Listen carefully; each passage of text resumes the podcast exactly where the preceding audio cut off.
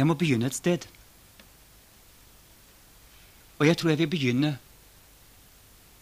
der hvor mange av oss står hver eneste søndag overfor en menighet med et spesielt kall og oppdrag fra Gud. Og det er på prekestolen. Og jeg vil begynne et sted i litteraturen. Det sted i litteraturen, tror jeg, som på den mest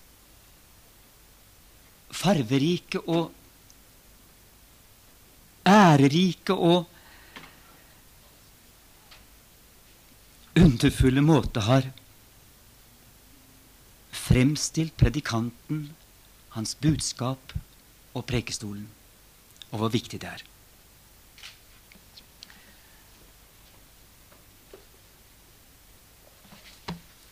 Den boken jeg har foran meg, er Moby Dick av Herman Melville. Noen av dere kjenner den. Og vi tar for oss den scenen som utspiller seg i dette underlige kapellet som har dette merkelige maritime utstyr alle steder. Som for eksempel prekestolen selv var også spor av samme maritime smak som preget leideren og bildet. Den panelkledde forsiden lignet den stolte stavnen på en skute, og Bibelen lå på et utskåret fremspring som minnet om eselhodet på et skip. Kunne noen symbolikk være dypere?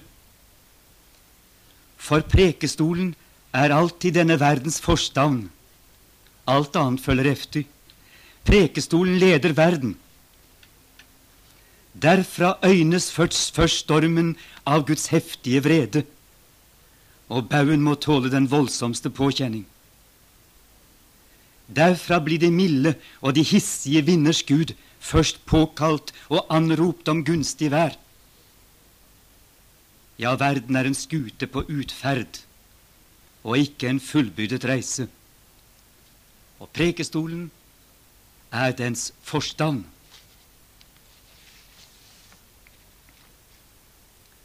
Han sto en stund taus.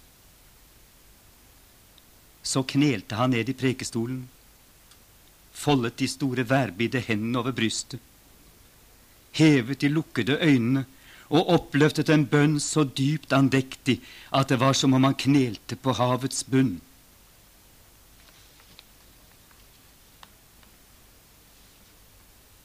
Presten vendte varsomt Bibelens blad foldet tennene på den siden han hadde søkt, og sa:" Elskede skipskamerater, legg merke til første vers i annet kapittel hos Jonas. Men Herren lot en stor fisk komme og slukte Jonas. Skipskamerater, denne bok, som bare inneholder fire kapitler, fire tråder, er en av de minste fibrer i Skriftens veldige trosse. Og allikevel, hvilke sjeledyp lodder ikke Jonas' line? Hvor betydningsfull er ikke den lærdom som denne profet har gitt oss? Hvor edel er ikke denne lovsang fra hvalens buk? Så mektig og storslått som det bølgende hav. Sjøene løfter seg over oss. Vi synker sammen med ham i havets tanngrodde bunn sjøgress og gjørme omgir oss. Men hvilken lærdom er det Jonas' bok vil gi oss? Kamerater, det er en tostrenget lære. En lærdom for alle oss syndige mennesker, og en lærdom for meg, den levende Guds los. Som syndige mennesker må vi alle ta lærdom av den, fordi den er en beretning om synd hårdhjertethet, en plutselig våknende angst, en brå straff, anger, bønner og til sist Jonas' befrielse og fryd. Som alltid når menneskene synder, besto denne synd som Amitais sønn begikk, i hans egen mektige ulydighet mot Guds bud. Vi behøver nå ikke bry oss om hvilket bud det var, eller hvordan det var blitt meddelt ham. Han syntes det var et hårdt bud Men alt det Gud vil ha oss til å gjøre, synes oss hårdt. Husk det. Og derfor befaler han oftere enn han forsøker å overtale. Skal vi være lydige mot Gud, må vi være ulydige mot oss selv. Og det er den ulydighet mot oss selv som gjør det så vanskelig for oss å følge Guds bud. Og prekenen bølger videre. Den går ned i havets dyp og inn i den forferdelige storm. Det er en underlig preken. Under prekenen synes den hylende, rasende stormen utenfor å gi presten ny kraft. Og da han beskrev den stormen som Jonas kom ut i, da var det som han selv var ute i et stormvær. Hans dype bryst løftet seg som en for en svær dønning. Armene hans lignet til kjempende elementer i full utfoldelse. Tordenen som rullet fra hans mørke panne, og lynet som skjøt fra hans øyne, fikk alle disse enkle menneskene til å se på ham med en brå angst som var dem fremmed. Det falt igjen ro over ansiktet hans. I taushet snudde han bladene i Den hellige bok. Og til slutt, da han et øyeblikk sto helt urørlig, med lukkede øyne, så det ut som han talte med Gud og seg selv. Men han bøyde seg på ny frem mot menigheten, senket hodet dypt, og med et uttrykk av inderlighet og likevel mandig ydmykhet sa han disse ord. Og hør nå skipskamerater. Gud har bare lagt sin ene hånd på dere, men begge hans hender tynger på meg. Så godt jeg formår, har jeg tolket for dere den lærdom som Jonas gir alle syndere, derfor også dere, og enda mer meg, for jeg er en større synder enn dere. Hvor gjerne ville jeg ikke nå komme ned fra denne mastetoppen og sitte på luken sammen med dere, lytte sammen med dere, mens en av dere leser den andre, enda forferdelige lærdommen for meg, den lærdommen som Jonas gir meg, fordi jeg er den levende Guds los. Lærdommen om en salvet profet. En sannsiger som av Gud var blitt befalt å rope den uvelkomne sannhet ut for det ugudelige Ninive. Lærdommen om hvordan Jonas flyktet i redsel for det fiendskap som ville møte ham når han talte. Hvordan han forsøkte å komme vekk fra Gud og sin plikt til å dra av gårde med en skute fra Joppe. Men Gud er overalt. Jonas kom aldri frem til Tarsis. Som vi har sett, møtte Gud ham i en hvalskikkelse og trakk ham ned i dommens levende svelg. Han ble revet ned til dypene midt i havet, hvor de virvlende bølgene suget ham ti tusen favner ned, hvor tang innhyllet hans hode, og alle havdypes redsler omga ham. Men Gud hørte den angrende profets rop. Skjønt han var utenfor rekkevidden av ethvert lodd i dødsrike skjød, da hvalen strandet på oseanets dypeste grunn. Da talte Gud til fisken, og hvalen kom sporenstreks opp fra dypet skrekkelige kalde mørke, opp til den varme, livgivende sol, opp til luftens og jordens gleder. På Herrens bud spydde fisken Jonas opp på det tørre land. Da Herrens ord kom for annen gang til Jonas, den tuktede og overvunne Jonas, Oseanets brus tonte ennå mektig i ørene hans, som om de var to muslinger. Da adlød Jonas den allmektiges befaling. Og hva var så det for en befaling, skipskamerater? Jo, å preke sannheten midt i ansiktet på løgnen. Det var befalingen. Det, mine skipskamerater, det var den andre lærdommen. Og ved den los i den levende Guds tjeneste, som ikke akter på den. Ved den som av denne verden lar seg lokke bort fra evangeliets plikt. Ved den som prøver å gyte olje på bølgene når Gud har pisket dem opp i storm. Ved den som søker å behage fremfor å advare. Ved den som setter sitt eget omdømme høyere enn rettferdigheten. Ved den som ikke streber etter vanære her på jorden.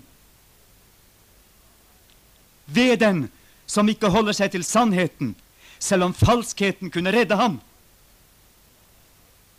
Ja, som storlosen Paulus har sagt, ved den som preker for andre, men selv lever ugudelig.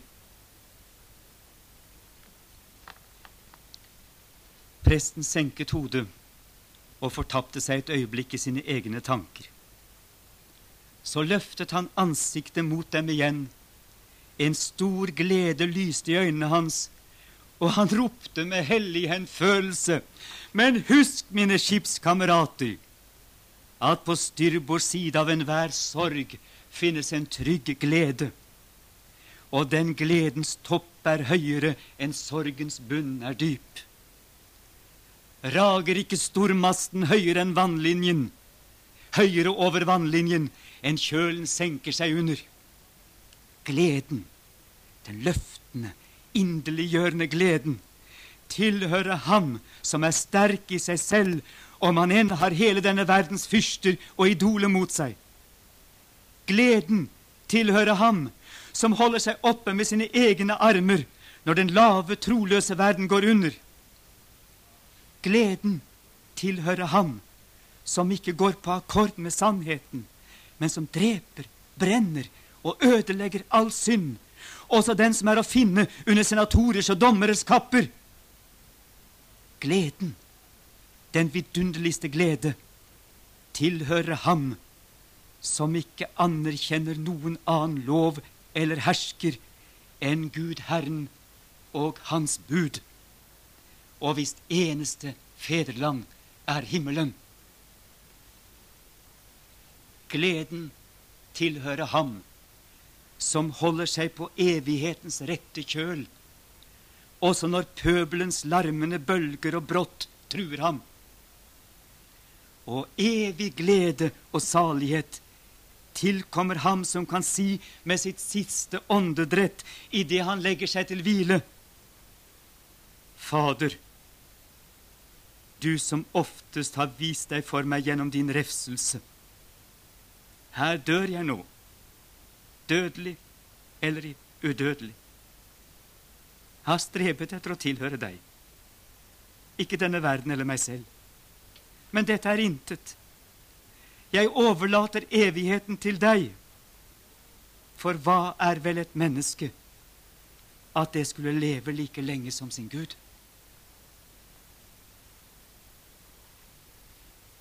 Presten sa ikke mer.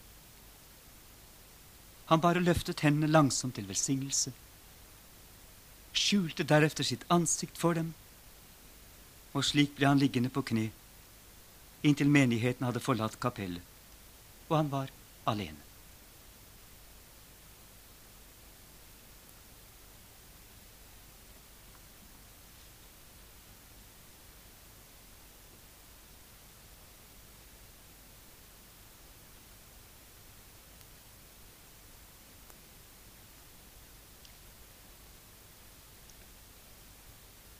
Prekenen.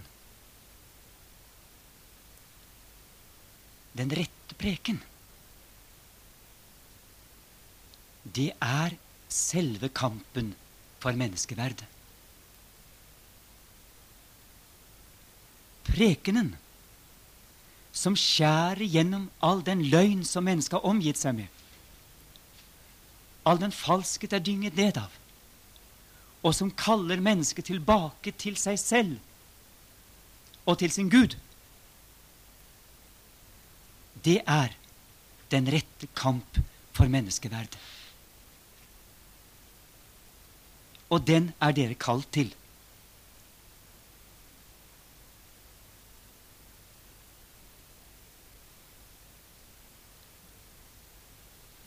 Da Jesus ble konfrontert med skattespørsmålet, da grep han spørsmålet og snudde det i en annen retning. Han sa, 'Vis meg skattens mynt.' Og de viste ham mynten, og han spurte, 'Hvis bilde og påskrift er dette?' Og de sa, 'Keiserens.' Så gi da keiseren hva keiserens er, og Gud hva Guds er. Hvis bilde og påskrift er dette.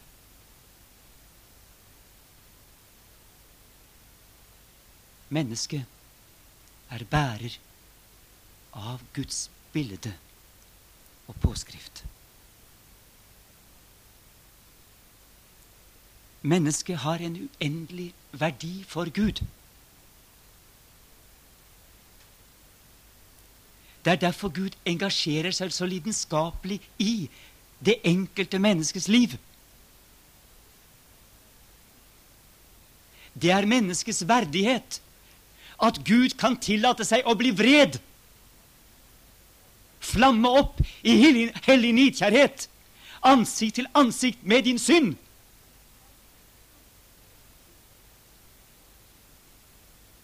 Der ser du din verdighet. Din verdighet til en levende Guds dom i all evighet. For det du har gjort med deg selv.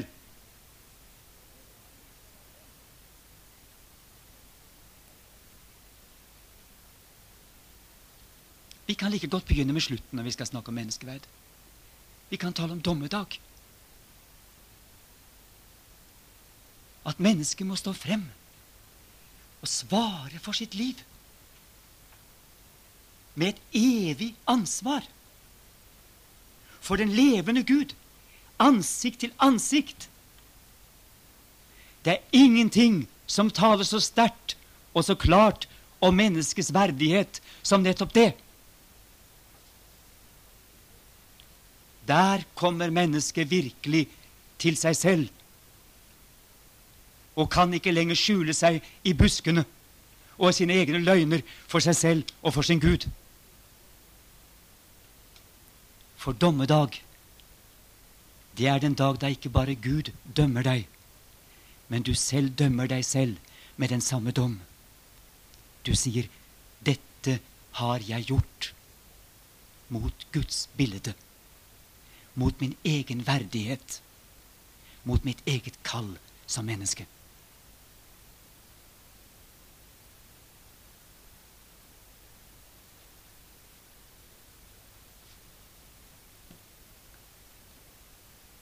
På dommedag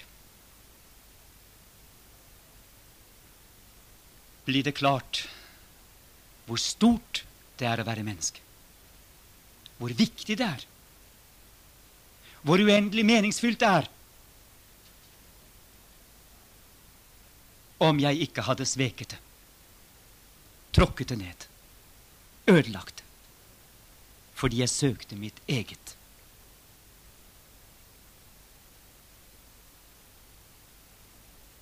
Og slik må vi kunne forkynne om dommedag. Som mennesker blir stort. At det blir en stor synder en verdig synder som ser seg selv verdig til den evige dom. Og det er det som skjer gjennom en rett forkynnelse. For vanligvis så tenker vi mennesker slik Ja, lille meg. Stakkars lille meg. Det kan ikke være så farlig. Og den store, store Gud, hva skulle han bry seg om meg, lille maur, og hva jeg foretar meg? Vi dekker oss bak vår selvforakt.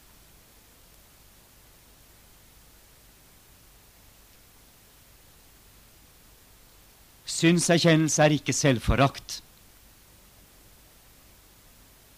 Synserkjennelse er å bli kalt ut av selvforakten.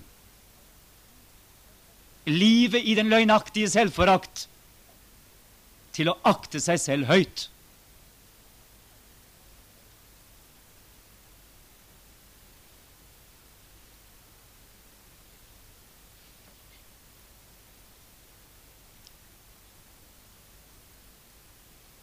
Jeg tror dommedag er et godt utgangspunkt, for det er så mange spørsmål som må stilles da. Hva kan være grunnen være til at, at Gud viser seg så nidkjær, så flammende, så vred i møte med dette mennesket? Hva er det for et rolleskifte? Hvorfor er dette usle mennesket plutselig blitt så betydningsfullt? Så viktig?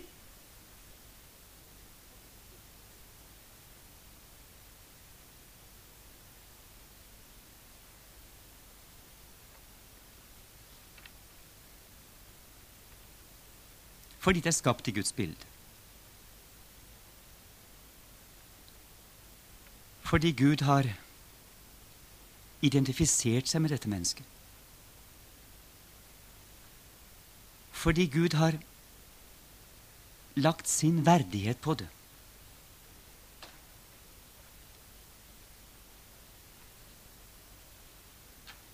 Det er så gåtefullt. Det er så vanskelig å gripe. Men alle som har vært i syndenød, vet plutselig hvor viktig jeg er blitt på en helt annen måte enn før.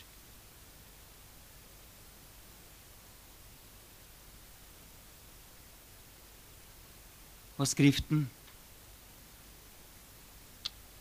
forteller oss bakgrunnen for denne forferdelige nød.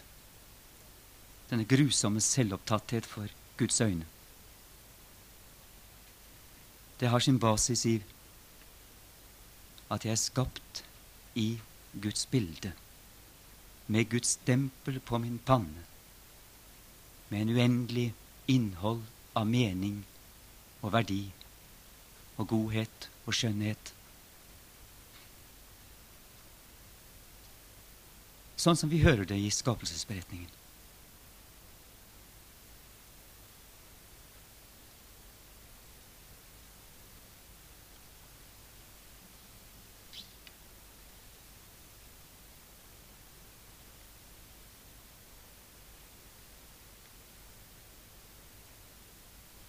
Det finner et sted, et sted et møte før dommedag. Og det er det avgjørende møtet.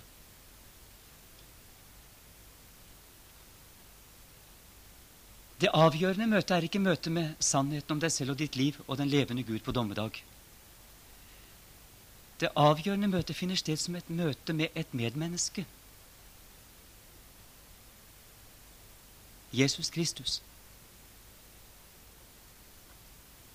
Han som kaller seg selv Menneskesønnen, og som sier om seg selv med full tyngde Jeg er sannheten.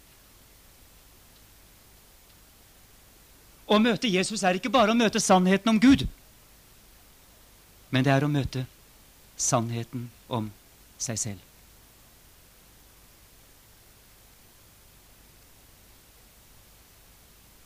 I Jesus møter du ditt medmenneske slik du aldri ellers har møtt det. Og i dette medmennesket, det sanne mennesket, møter du deg selv. I Hans ord, i Hans gjerninger, i Hans liv, i Hans kjærlighet, ser du ikke bare Guds speilbilde, men du ser det sanne bildet av deg selv.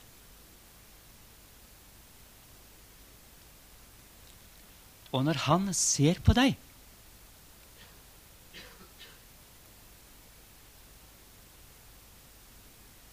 Så fornemmer du at han ser like inn i det dypeste av deg. Han ser det som ingen av alle dine andre medmennesker ser eller noensinne har sett. Han ser det i deg som er elsket av Gud. Som Gud søker med nidkjærhet. Han ser Guds bilde i deg. Han ser ditt sanne menneskeverd. I møte med ham får du et møte med deg selv. Slik du aldri så deg selv i speilet. Og det er det som skjer overalt hvor evangeliet forkynnes. At mennesket får sitt menneskeverd igjen. Du får høre at det er viktig. Du får høre at det er elsket. Du får høre om en Gud som har søkt gjennom tykt og tynt. Som søker det i Getsemane, som søker det på korset. Som går gjennom død og tornekratt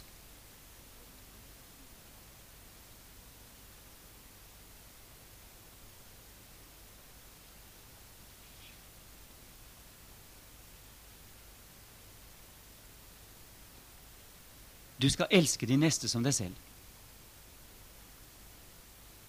Det er det vi gjør. Det er derfor det står så dårlig til her i verden. For hva er det vi elsker hos oss selv? Vi elsker det som er vellykket. Vi elsker det som vi syns betyr noen ting. Vi elsker det som får aksept hos andre. Og En dag står vi kanskje i speilene og syns at vårt liv ikke er verdt noe lenger i det hele tatt, og så setter vi pistolen for tinningen og gjør det slutt. Vi lever alle under selvmordets nøkkel, på en måte. Slik vi lever, og slik vi er. Og slik elsker vi også vår neste. Vi elsker det som bekrefter det som vi selv vil ha bekreftet. Vi elsker det vi liker. Vi elsker det vi syns er verdt å beundre. Vi legger den samme målestokk på vår neste som vi legger på oss selv i virkeligheten. Vi gjør det fordi vi aldri har lært å elske oss selv. Ikke med Guds kjærlighet. Men det som skjer gjennom et møte med Jesus Kristus, kjærligheten fra Gud, som ser like inn i det dypeste av oss og kaller oss selv frem og får oss til å forstå at vi er viktige Det som da skjer, det er at vi får se at vi er elsket på tross av alt det vi forakter hos oss selv. På tross av alt det vi nå må dømme hos oss selv. På tross av alt det vi ser på dommedag om oss selv. For da er det dommedag. Vi får se inn i alt det som ligger under og bak, og som Gud elsker, og som Gud søker gjennom Jesus Kristus. Vi kommer til oss selv og tar imot oss selv igjen. Og da lærer vi å elske oss selv på en ny måte. Vi lærer å se oss selv på en ny måte. Vi legger ikke lenger verdien der hvor vi før la verdien. Verdien, det som betyr noen ting, det som er avgjørende, er at vi er skapt av Gud i Guds bilde for å høre Gud til. Og den som har fått slike øyne til å se seg selv med, gjennom møtet med Jesus Kristus, møtet med syndenes forlatelse, har også fått øyne til å se sin neste med. Da ser du igjennom alt det du før foraktet, alt det du før avskydde, alt det som før var motbydelig, og du ser inn i det som du har sett hos deg selv, et menneske elsket av Gud på tross av alt.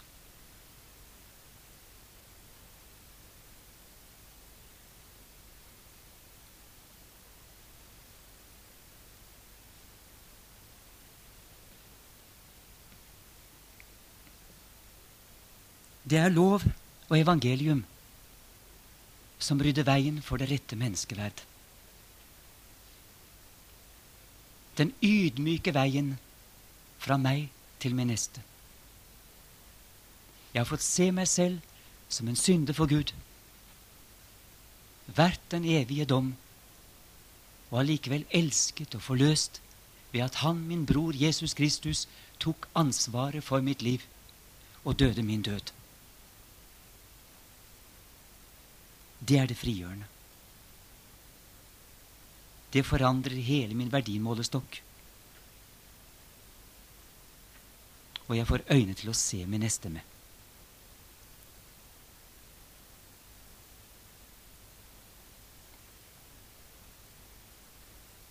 Kampen for menneskeverdet står på prekestolen. Det er det eneste sted hvor menneskeverdstanken kan fornyes. Det er gjennom lov og evangelium. Ved at mennesket igjen får oppleve hvor viktig det er for Gud. Når jeg døper små barn, nyfødte mennesker, og tegner dem med korsets tegn på panne og på bryst, da tenker jeg alltid nå setter jeg prislappen på deg, lille menneske. Så mye er du verdt. Guds sønns død. Men det forteller to ting. Det forteller i en sum både lov og evangelium. Ja, vi kan si at menneskeverdet det finner du der hvor lov og evangelium krysser hverandre. For på den ene siden forteller det sannheten om tyngden av min synd og tyngden av slektens synd. Sannheten om hva du har gjort med ditt menneskeverd, og hvordan det til og med står til med det nyfødte barn. Sannheten om det åpenbares på korset. Først møter du ham som det sanne mennesket, som bare er kjærlighet, og som ser inn i det dypeste av deg. Du møter bildet av Gud, du møter bildet av deg selv. Men på korset, der møter du bildet av ditt krenkede menneskeverd. Der ser du dypest sett hva du har gjort med deg selv, og hva du har gjort med din bror. Derfor står det at han er knust. Du ser det knuste gudsbildet. Du ser det krenkede gudsbildet. Du ser den vanhelligede Gud i mennesket. Og samtidig så ser du den forløsende kjærlighet.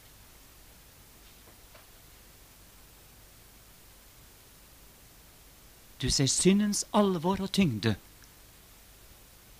og du ser den frigjørende omsorg og solidaritet. Du ser kort og godt din verdighet på godt og vondt.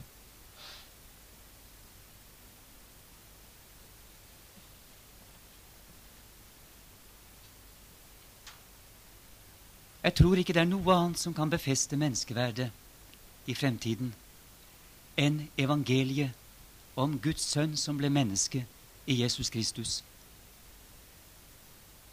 Som tok ansvaret for vårt liv, gjorde vårt dype hovedproblem til sitt eget, og som i dag sitter ved Faderens høyre hånd med en navle på sin mage, fremdeles én av oss.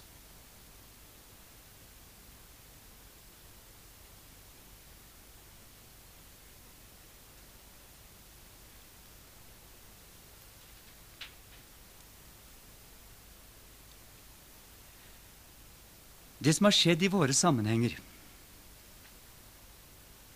hjemme i Norge,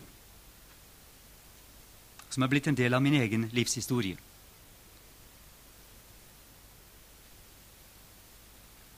Det er jo at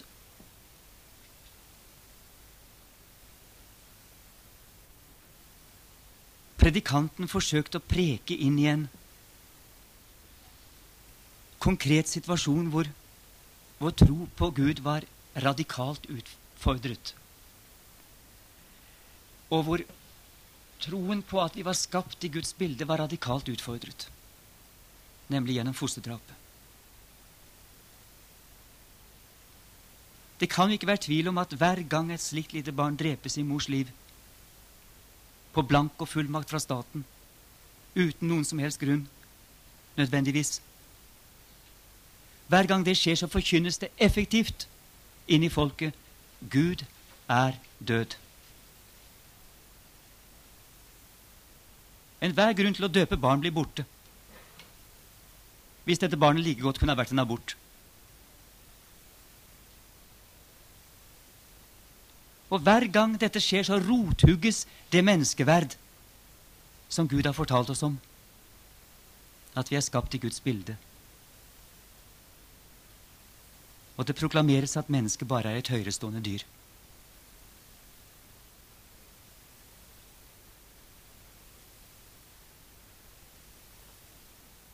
Og hele denne saken som også jeg har representert, den springer ut av det. Å forsøke å forkynne imot denne løgnen. Sannheten om Gud som har skapt oss og forløst oss. Fordi mennesket er viktig. Uendelig viktig for Gud.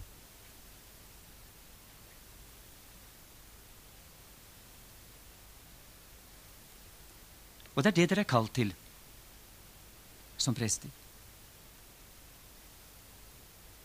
Det står om den fortapte sønn.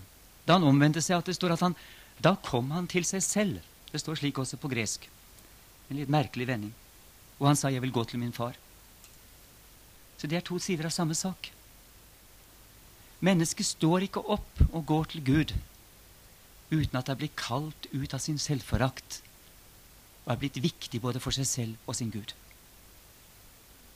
Kampen for menneskeverdet er kort og godt kampen for troen på Gud. Jeg må si jeg selv opplevde det som en forferdelig anfektelse allerede tidlig i 60-årene, da vi begynte å diskutere mulighetene for genteknologien. Vi så hvordan mennesket var i ferd med å falle i sine egne hender. Og mennesket fremsto som sin egen skaper. Og hvor ble så Gud av?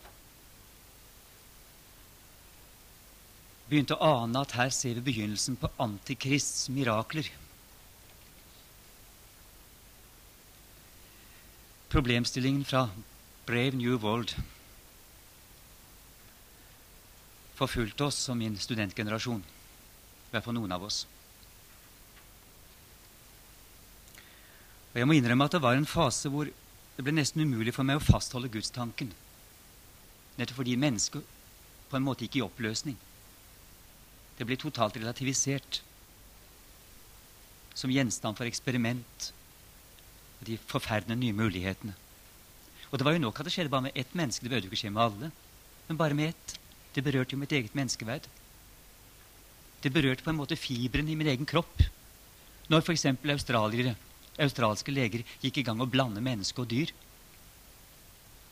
Da var det jo på en måte noe som kunne føles like inn i min egen kropp som menneske. Det var noe som skjedde med meg og mitt eget menneskeverd. Mitt eget selvbilde.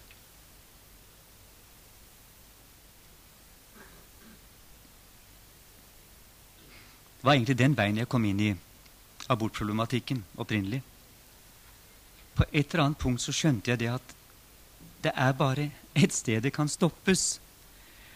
Og det er det at menneskets menneskelivets absolutte ukrenkelighet blir proklamert fra unnfangelsen av. At mennesket ikke er manipulerbart i det hele tatt. Og at enhver manipulasjon med mennesket fra unnfangelsen av er vold. Er krenkelse av det helligste. Ja, det er et angrep på Gud selv. Og jeg opplevde jo som et angrep på Gud selv. Det var jo så å si djevelens triumfargument. Og mennesket selv oppløses i en løgn, på en måte. For meg ble det veldig eksistensielt. Jeg gikk inn i en depresjon, rett og slett. Inntil jeg plutselig grep dette her. At der er det.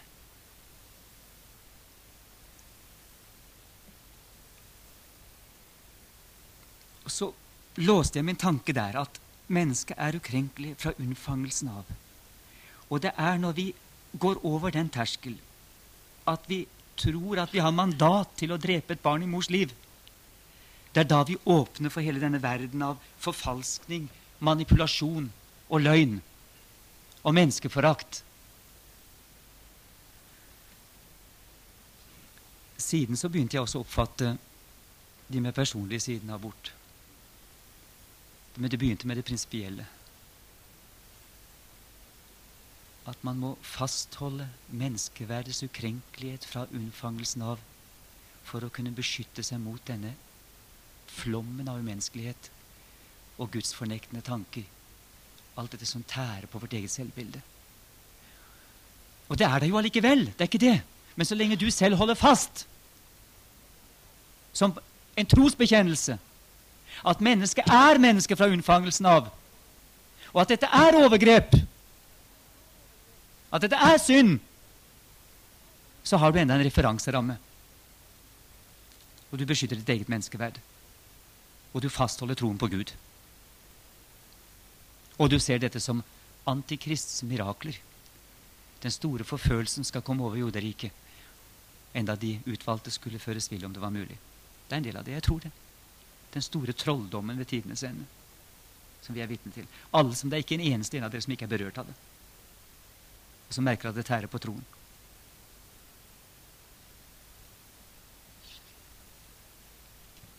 Og Så begynte man å arbeide med bibelske materiale. Man fikk et annet forhold til skapelsesteologien. Man fikk et annet forhold til rettstenkning, til menneskeverd. Alt sammen. Det begynte i denne nisjen, men det trakk så mange konsekvenser med seg. Kampen for menneskeverdet står i hver enkelt. Og det er egentlig kampen for troen. Det er å kunne bekjenne de tre trosartikler på sett og vis. Med fullt innhold, full tyngde.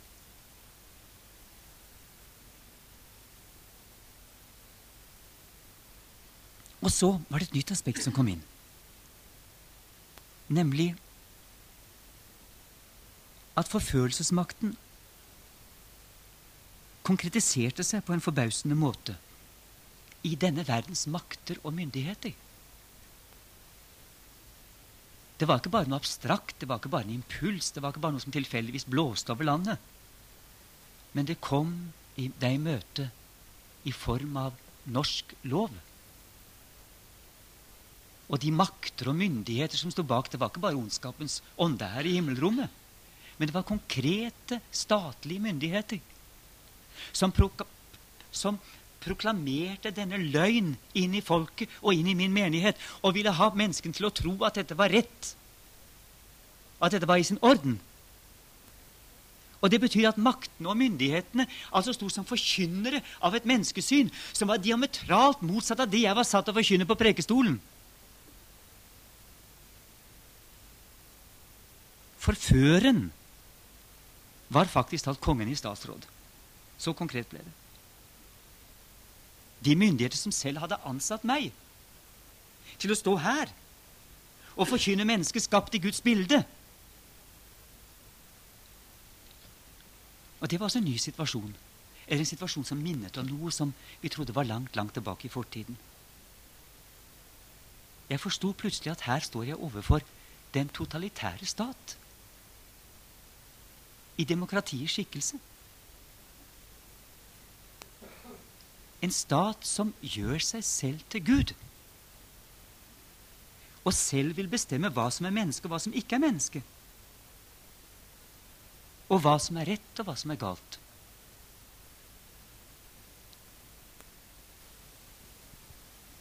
Det var ikke bare åndsmakt i form av bøker og pamfletter, men det var åndsmakt i form av storting og regjering og lovgivning.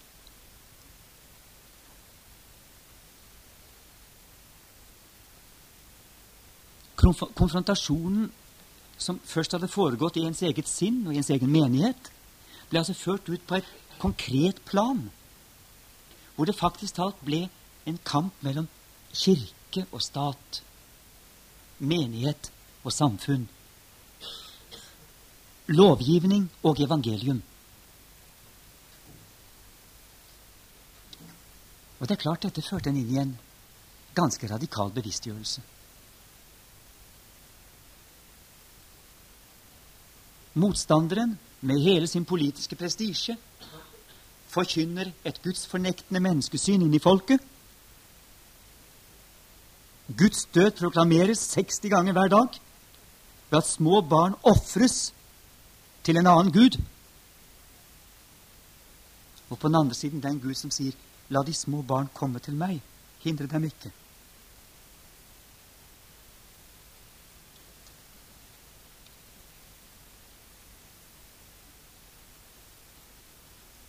Og på en uendelig rekke punkter ble det klart hvor konflikten gikk.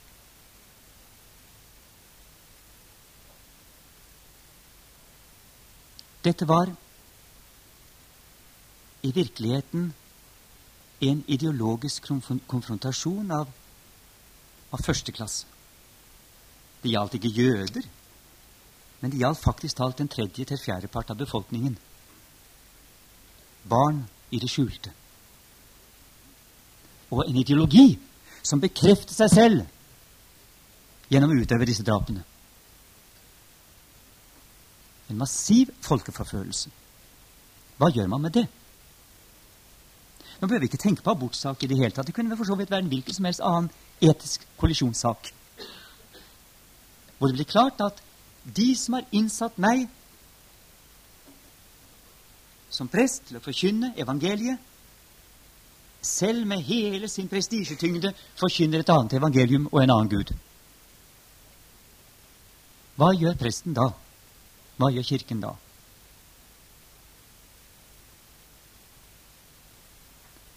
Vi vet jo hva de burde ha gjort i Det tredje riket, og hva de ikke gjorde. De tok ingen ideologisk konfrontasjon og ingen praktisk konfrontasjon med Hitlerstaten. Bortsett fra noen ganske få som forsvant.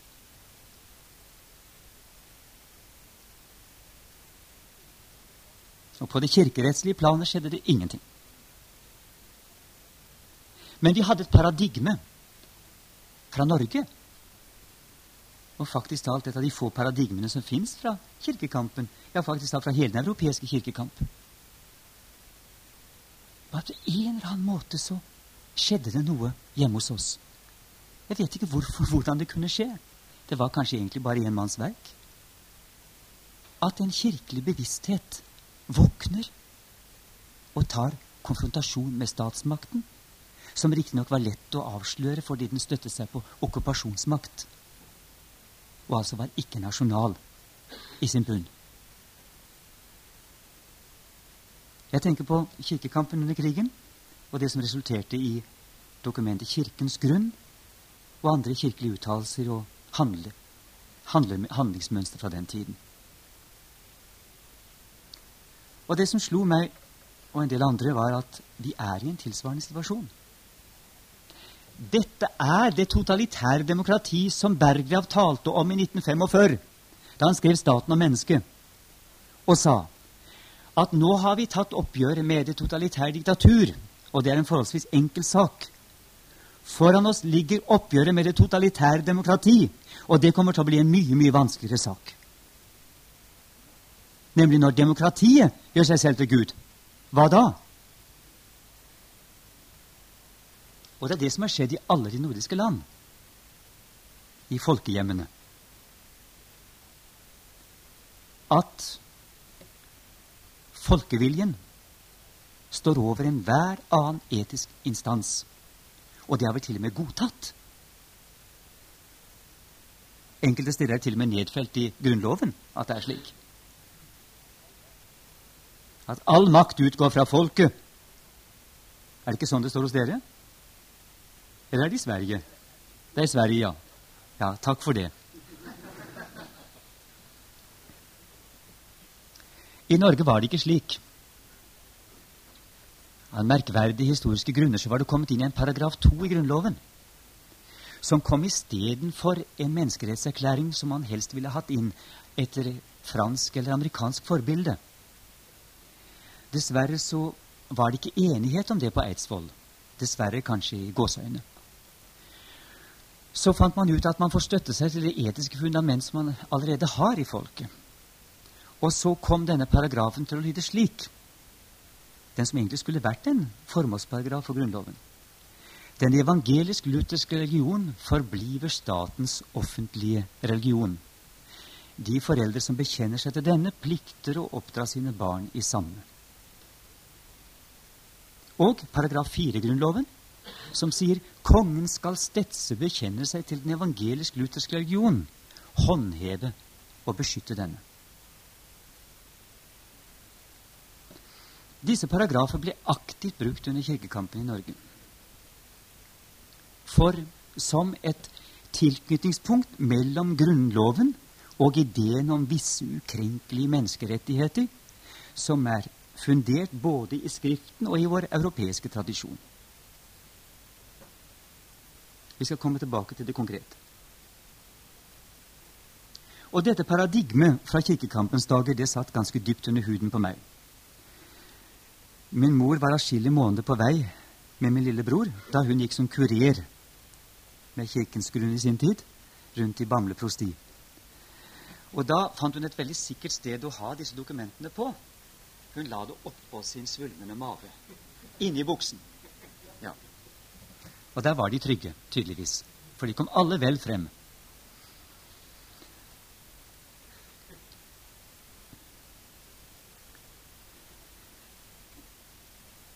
Så for meg i Balsfjord så ble dette paradigmet veldig sterkt. Og jeg kom til å anvende det i mitt forsøk på å ta et åndelig oppgjør med en forførerisk statsmakt. Det sto klart for meg enten må min menighet tro på dem, eller så må de tro på meg. Eller rettere sagt tro på djevelen eller tro på Gud.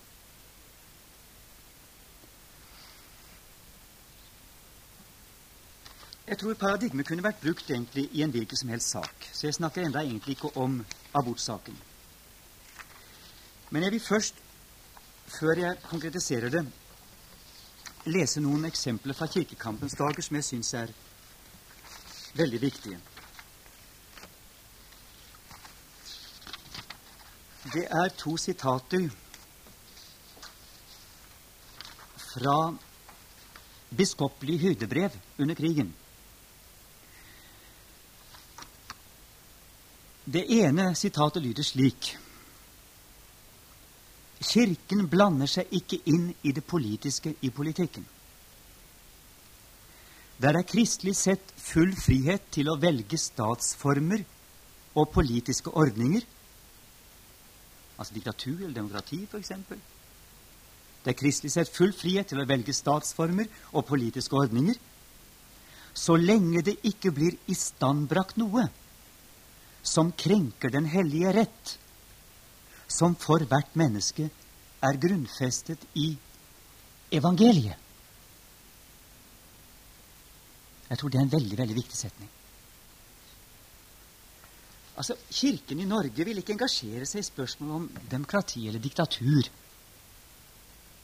Ja, faktisk alt heller ikke om det blir innført et nokså hårrent hierarki mellom mennesker i Norge. Men det er ett punkt hvor Kirken må reagere. Det er når det i disse systemene på en eller annen måte blir istandbrakt noe som krenker den hellige rett, som for hvert menneske er grunnfestet i evangeliet. Og nettopp i evangeliet. Dette mennesket som er skapt for å rettferdiggjøres i Kristus. Det er en som har forsøkt å definere mennesket slik. En skapning som er bestemt til å rettferdiggjøres i Kristus. Evangeliet, det, det har alt dette i seg.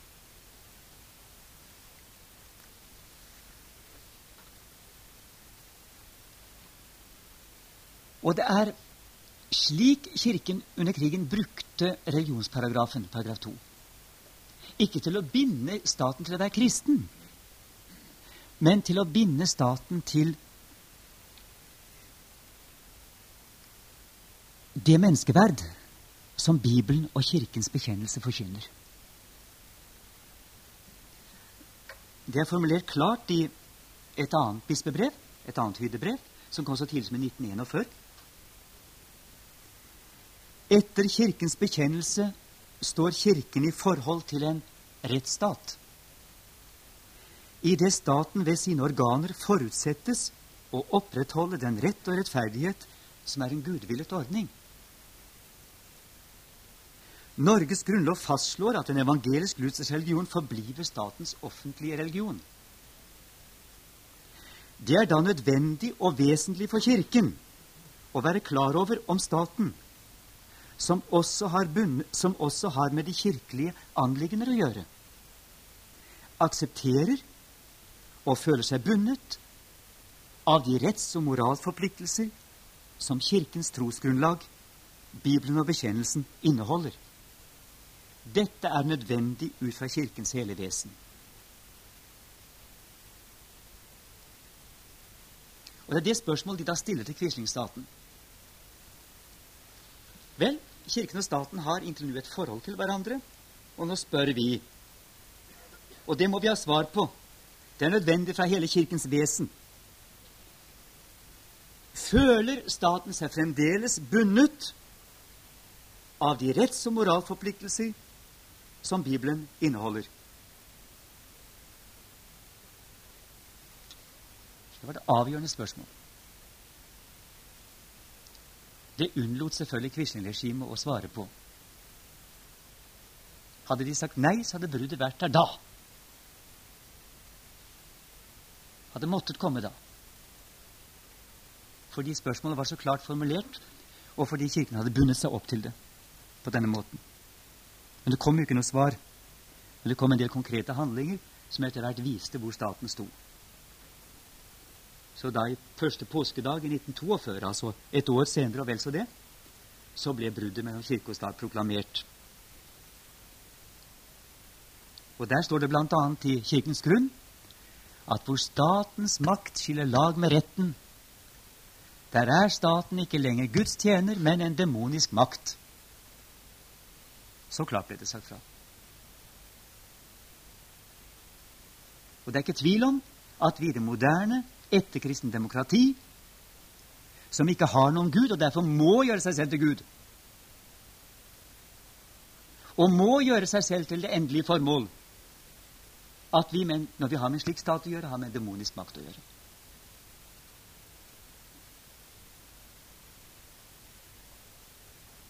Det gjør ingen forskjell om guden heter Adolf, eller om han heter Per og Pål og Hans og Espen og alle de andre.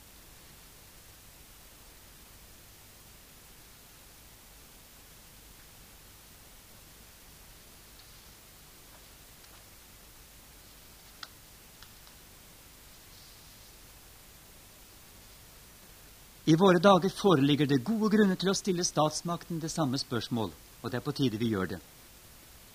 Aksepterer den og føler den seg bundet av de rettsforpliktelser som den evangelisk-lutherske religionen inneholder, og som vi er forpliktet på som kirke, som vi er forpliktet til å forkynne inn i menneskenes liv for at de skal komme til seg selv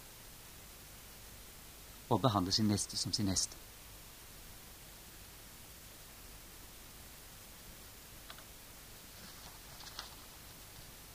Det var paradigme. Jeg tror det paradigmet er viktig, og jeg vil anbefale dette videre studium. Austad har jo skrevet en veldig god og vidløftig sak om, om Kirkens grunn og bakgrunnen for de forskjellige dokumentene, og de forskjellige dokumenter som hører til i den sammenhengen. Men jeg har nå lyst til å dele med dere ganske kort nå, bare til slutt. Noen av dem dere kjenner det fra før, men dere får det nå i hvert fall fra min egen munn. Det som ble utgangspunktet for hele saken i Balsfjord, og som kunne ha vært utløst egentlig på en hvilken som helst alvorlig etisk sak, har altså egentlig ikke primært noe med abortsak å gjøre men med en ideologisk konflikt mellom kirke og stat, som jeg mener vi må våge å ta. 17 punkter mot lov om adgang til selvbestemt abort. Jeg skal forsøke fortløpende å kommentere litt. 1. Ifølge Guds ord har alle mennesker prinsipielt samme menneskeverd og menneskerett, uansett nasjon, religion, kjønn, rase, alder eller utviklingstrinn. Denne setningen er, skrevet, er hentet direkte ut fra Kirkens protestbrev mot jødeforfølgelsen i 1942. Dette grunnsyn er to. Dette grunnsyn er våre statlige myndigheter ved lov forpliktet til å respektere. For Grunnlovens paragraf 2 sier at en evangelisk-luthersk religion forbliver statens offentlige religion. Denne setningen er også hentet direkte ut av Kirkens brev om jødespørsmålet. 3. Denne forpliktelse er også gitt i og med Grunnlovens ånd eller idégrunnlag. Den klassiske naturrett er Kirkens og Grunnlovens felles uskrevne norm for den kodifiserte rett. Det viser forarbeiden til norsk grunnlov helt tydelig.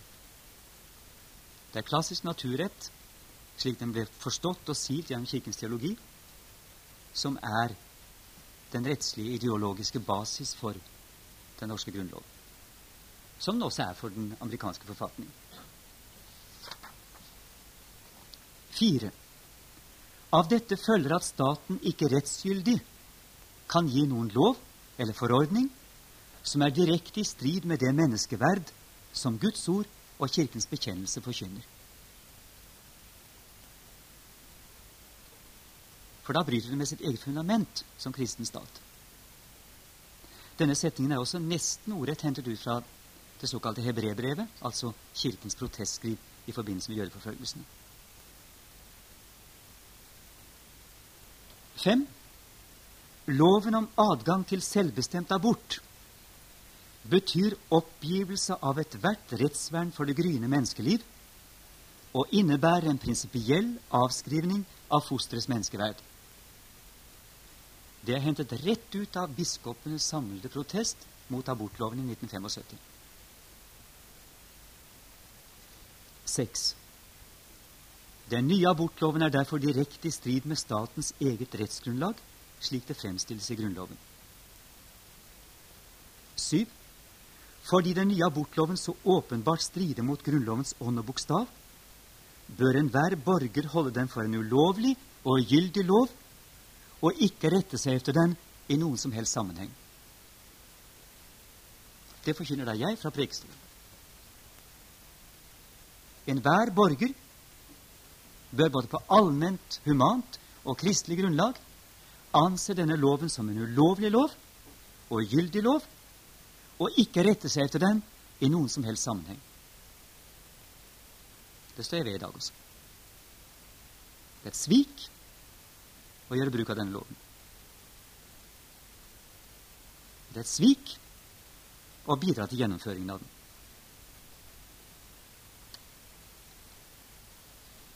Åtte. Fordi loven er mot Guds bud, løser Kirken den anfektede samvittighet fra lydigheten mot øvrigheten i dette spørsmål. Men de som fremmer og håndhever loven, bindes i synd.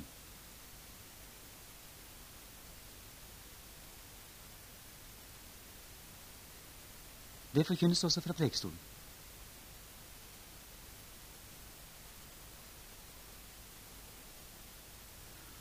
Ni.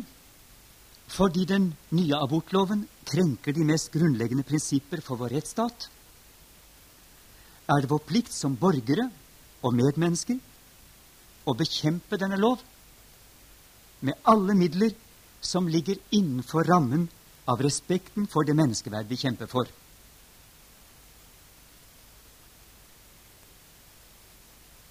Så kommer tre sitater fra Kirkens grunn.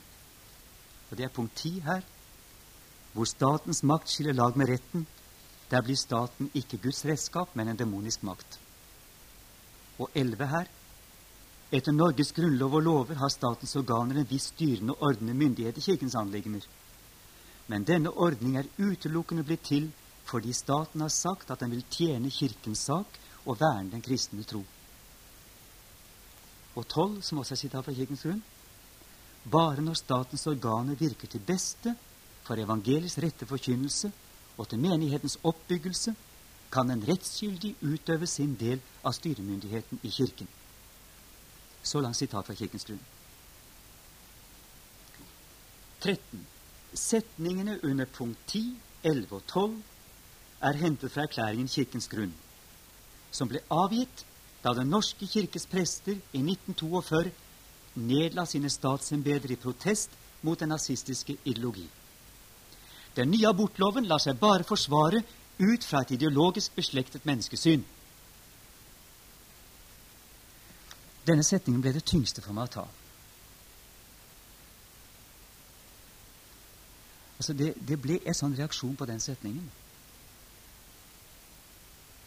Det ble, mitt, det ble virkelig min paragraf 13 Og jeg fikk høre det fra folk som jeg aldri hadde trodd egentlig, som har en veldig sterk etisk integritet. Men dette her, det gikk over alle grenser. At den nye abortloven bare lar seg forsvare ut fra et ideologisk beslektet menneskesyn til nazismen. Hva ser vi i dag? Ja visst. 14. Den nye abortloven betyr en prinsipiell avstandstagen. Den betyr en prinsipiell avstandstagen fra Kirkens grunnleggende verdinormer og er en klar avvisning i lovs form av Kirkens inntrengende formaning ut fra Guds ord.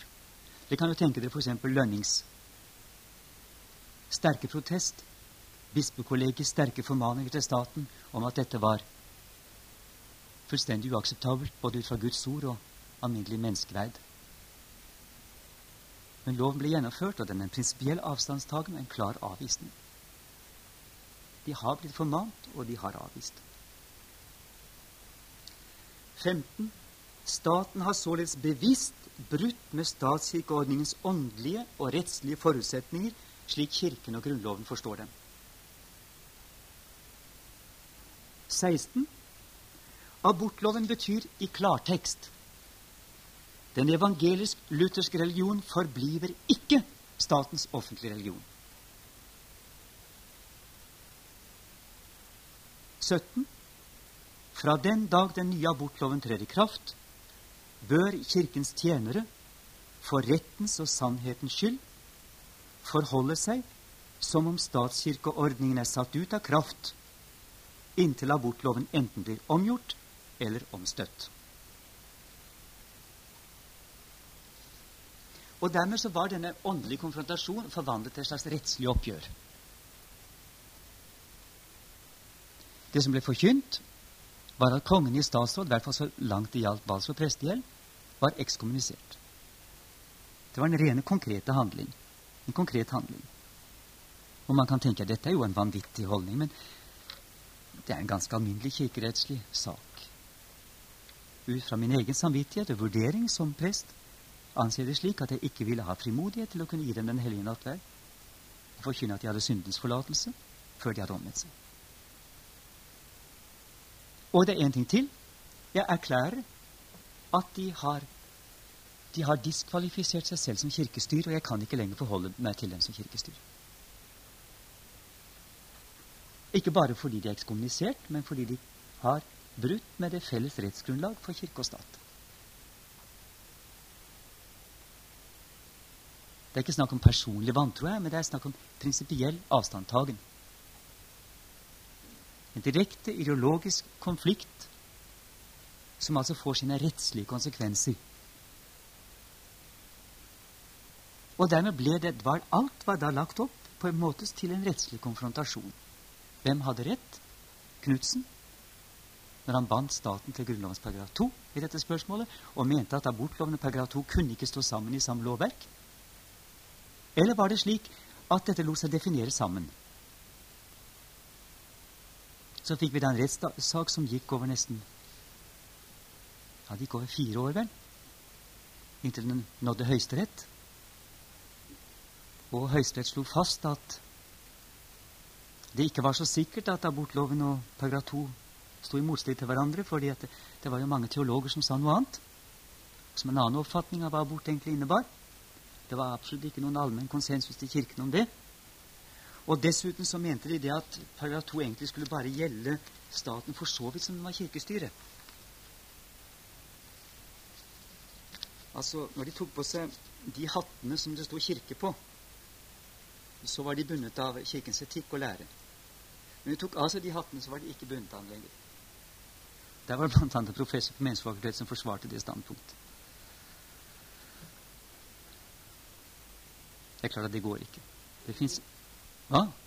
På MF, ja. Er ikke dette MF? Forhåpentligvis. Ja. Det var um, det var, så plutselig navnet stille, det, navnet stille. Det, kanskje vi bare skal la det stå stille foreløpig. Det kommer. Det kommer. Ja. Det kommer. Men vi, vi er i hvert fall i en sånn situasjon at vi Det er klart at den kirkelige relativisme, så kompakt som den er, så måtte den føre til et slikt resultat. Men de skal i hvert fall ha det, myndigheten, at de av prinsipielle grunner førte denne saken like til Høyesterett. Det var en konstitusjonssak, ble behandlet nesten som det. Det vil si vi forlangte at de skulle forhandle det i plenum i Høyesterett i og med at det gjaldt konstitusjonsspørsmål. Det gjorde de ikke. Dermed kan vi også si at for så vidt er det ikke rettsgyldig vedtatt at denne loven egentlig er konstitusjonell. Det kan vi på vår side hevde. Vi kan si at det blir behandlet til syvende og sist som en personsak og ikke som en, ikke som en konstitusjonssak. Og dermed så er ikke denne endelige avgjørelse egentlig bindende. Vi får se. Men jeg er overbevist om at rent prinsipielt så sitter vi her med svært sterke kort, selv om noen vil si dette er bare en slags rettslig kverulering i et åndelig spørsmål. Men det er egentlig ikke det. For vi må være klar over at med en struktur som vi har i Norge, hvor stat og kirke er samlet i en topp, så får enhver lovning også kirkelige konsekvenser. Altså, presten er kongens mann. Kongen er på sett og vis Guds mann, fordi han jo er kirkens mann. Han er salvet, ikke sant? Han er i hvert fall signet. Og det at ut fra han går på den åndelige og den verslige autoritet på en måte. Og det som da kongen anser som godt og kristelig, det anser også folket som godt og kristelig. Det ligger noe i det. Man kan jo også tenke på den statusen hvor kong Olav hadde. Det, jo, det ble jo åpenbart gjennom hans død. Han var jo rett og slett den, den selve erkenordmannen, på en måte.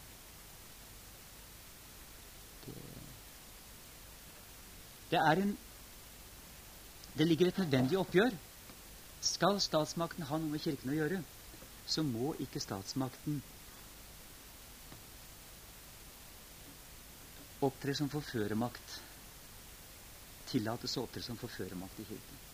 Og det jeg opplevde veldig sterkt etter denne domsavsigelsen, som da også førte til at Kirken også effektuerte avsettelsen av meg, min, min, min etterfølger ble innsatt, var jo at dette på en måte ble en slags eschatologisk situasjon hvor jeg opplevde hvordan statsmakten nå virkelig, både med makt og med rettslige midler og med kirkelig approbasjon, virkelig setter seg i Guds hus og gir seg selv ut for å være Gud. Det var en veldig sterk opplevelse av at dette er, dette er endetid. Selvfølgelig det små i en utkant av verden, men på en måte paradigme. Hva som kommer til å skje i hele kristenheten snart. Hvis denne fredelige koeksistens skal fortsette mellom kirke og samfunn, mellom kirke og stat. Hvis det ikke kommer til et brutalt, forferdelig ideologisk oppgjør mellom Kirken og den moderne verden, så vil det skje. At denne situasjonen blir konsolidert, og Kirken blir etter hvert profilert inn i denne situasjonen, og Kirken får tjenere som kan leve med denne situasjonen. Og nøklene vil aldri bli brukt mot manndrapere. Ludvig og jeg oppsøkte bispekollegiet på på Modum. Vi hadde bispemøte på Modum Bad. Og vi forsøkte å få i tale på det spørsmålet, nemlig kirketogspørsmålet. Vi ville ikke gå så langt som til staten, men det ville vi spørre dem om. Det var om hvordan Kirken ville forholde seg til en lege som effektuerer denne loven og dreper barn på løpende bånd. Om en slik lege, hvis han ble formant, måtte ekskommuniseres hvis han ikke ville slutte å drepe.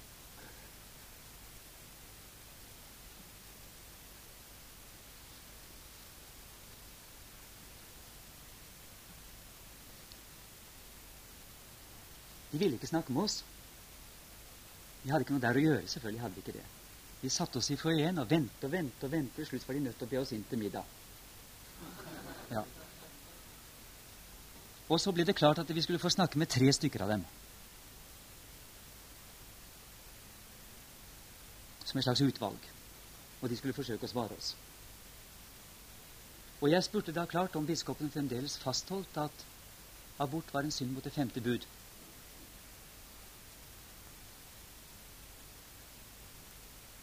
Og det bekreftet de.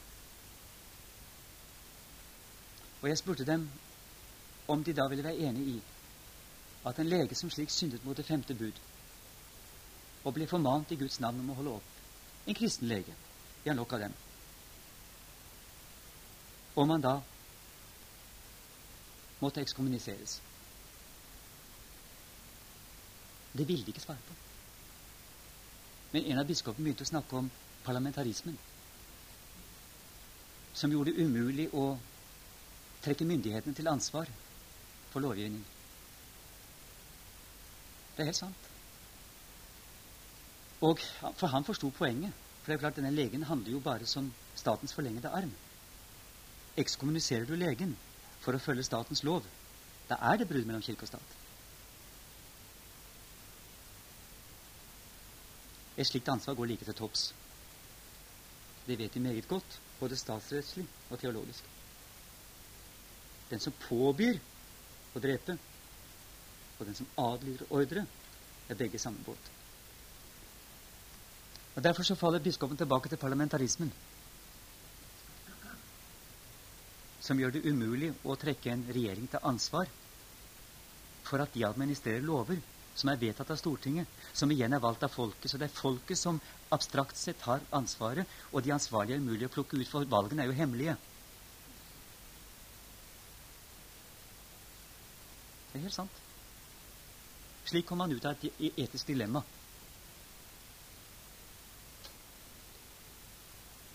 Det vi ønsker igjen, er fornyelse av tenkningen i Nürnberg. Kommer ikke utenom det at hvis vi som kirke tier til dette og aksepterer den parlamentariske løsning.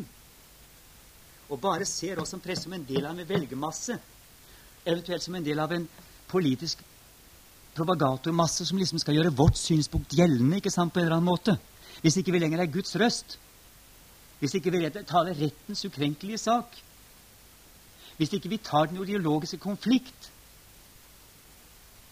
med totalitært demokrati, så blir vi medskyldige. Det er ikke bare biskopen de skal ikke ha skylden for dette. Hele Kirken er jo i den situasjonen.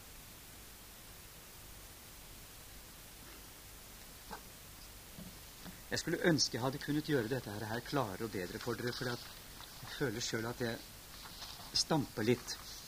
Men her har jeg en fin sak til danskene. Bare litt til nå. Et litt notat jeg gjorde etter at jeg hadde lest et lite stykke fra min sakso. Nå skal dere høre. Historietime. Her om dagen tok jeg gamle Saxo Grammaticus ut av hyllen og slo opp i sagaen om Sven Estridssønn. Jeg leste på ny og med nye øyne den dramatiske historien om biskop Wilhelms bannlysning av kong Sven og kongens botsgang til kirken. Og så heter det i Grundtvigs fyndige oversettelse.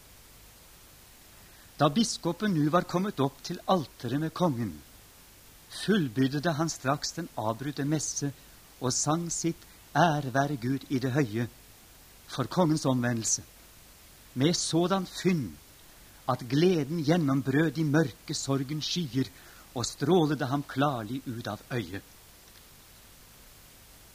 Saxo trekker en bemerkelsesverdig historisk slutning av denne episoden. Og jeg tror vi gjør vel i å merke oss den. At kongen således ei holdt det sin ære for nær, i alles påhør, å gå til synsbekjennelse. Det forenede Kirken og staten i et uoppløselig stallbroderskap. Hør hva Saxo sier. Kongens omvendelse, kongens ydmyke synsbekjennelse, er det som knytter de sterkeste bånd mellom kirke og stat. Saxos penn er et sverd som skjærer gjennom det ideologiske tankespinn som vår tids kongemakt vil fange Kirken i, når kirkeministeren uttaler Kirken bygger på det syn at hver generasjon kan vinne ny innsikt om trosspørsmål og etiske spørsmål eller oversatt til klart norsk fosterdrap, homoseksualitet og kvinneprester ble riktignok avvist som galt av apostlene, men viser seg i kraft av ny teologisk innsikt å være riktig. Denne innsikt forvaltes og settes i kraft av kongen. Med kirkeministerens egne ord det var kongen som gikk førte an. Det var Kirken som fulgte. Her har vi akkurat det som har skjedd. Gang på gang i våre sosialdemokratiske kirker.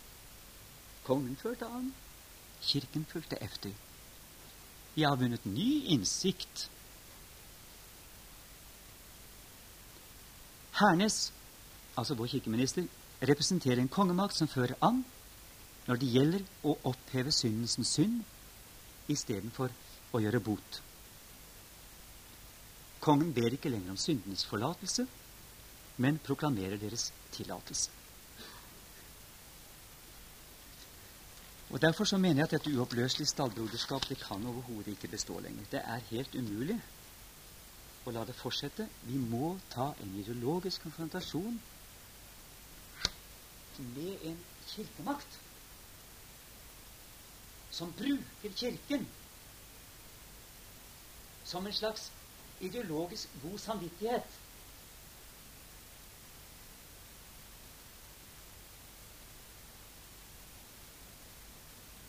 Var det noen som pep? Det var ingen som pep. Saken er vedtatt. Slik er det. Og hvis ikke Kirken sier fra, hvem skulle da si fra?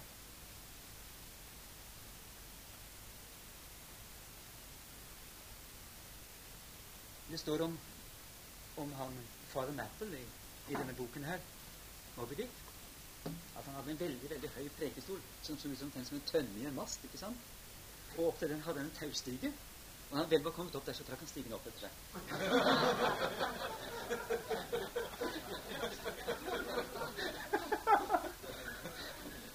vel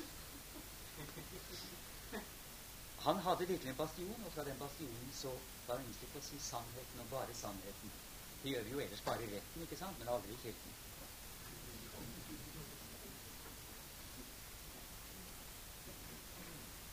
Men altså, alle sammen som står på sitt embete, har en slik uangripelig posisjon som fader er. Stå i sitt embete og forkynne klart inn i verden det som verden ikke tåler å høre. Og den er jo blitt så forferdelig finhørt i det siste. Man behøver ikke konstruere store store parlamentariske saker, egentlig. Det er nok i enhver eneste landsbykirke bare å tale klart. Si sant om hva Guds ord sier. Og så får dere verden på ryggen, alle sammen. Dere vet jo det. Det skal ikke mye til.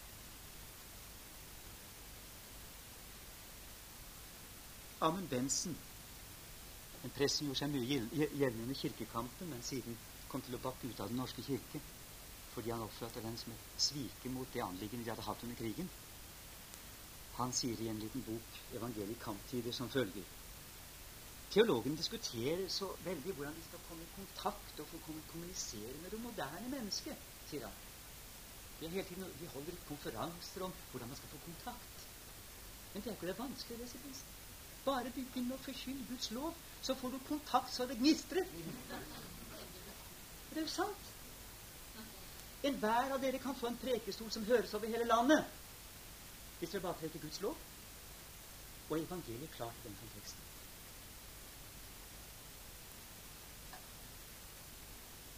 Jeg syns dere virkelig burde jeg forsøke å egge dere til nitighet. Vær fort ute nå. Vær de første til å komme på forsidene. Tenk det er en press som sier at homoseksualitet er synd. Tenk er en press som sier at abort er drap. Tenk er en press som sier at at staten er en forfører.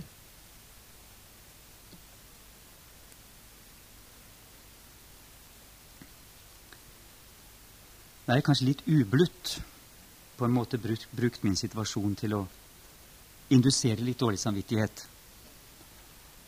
Men eh,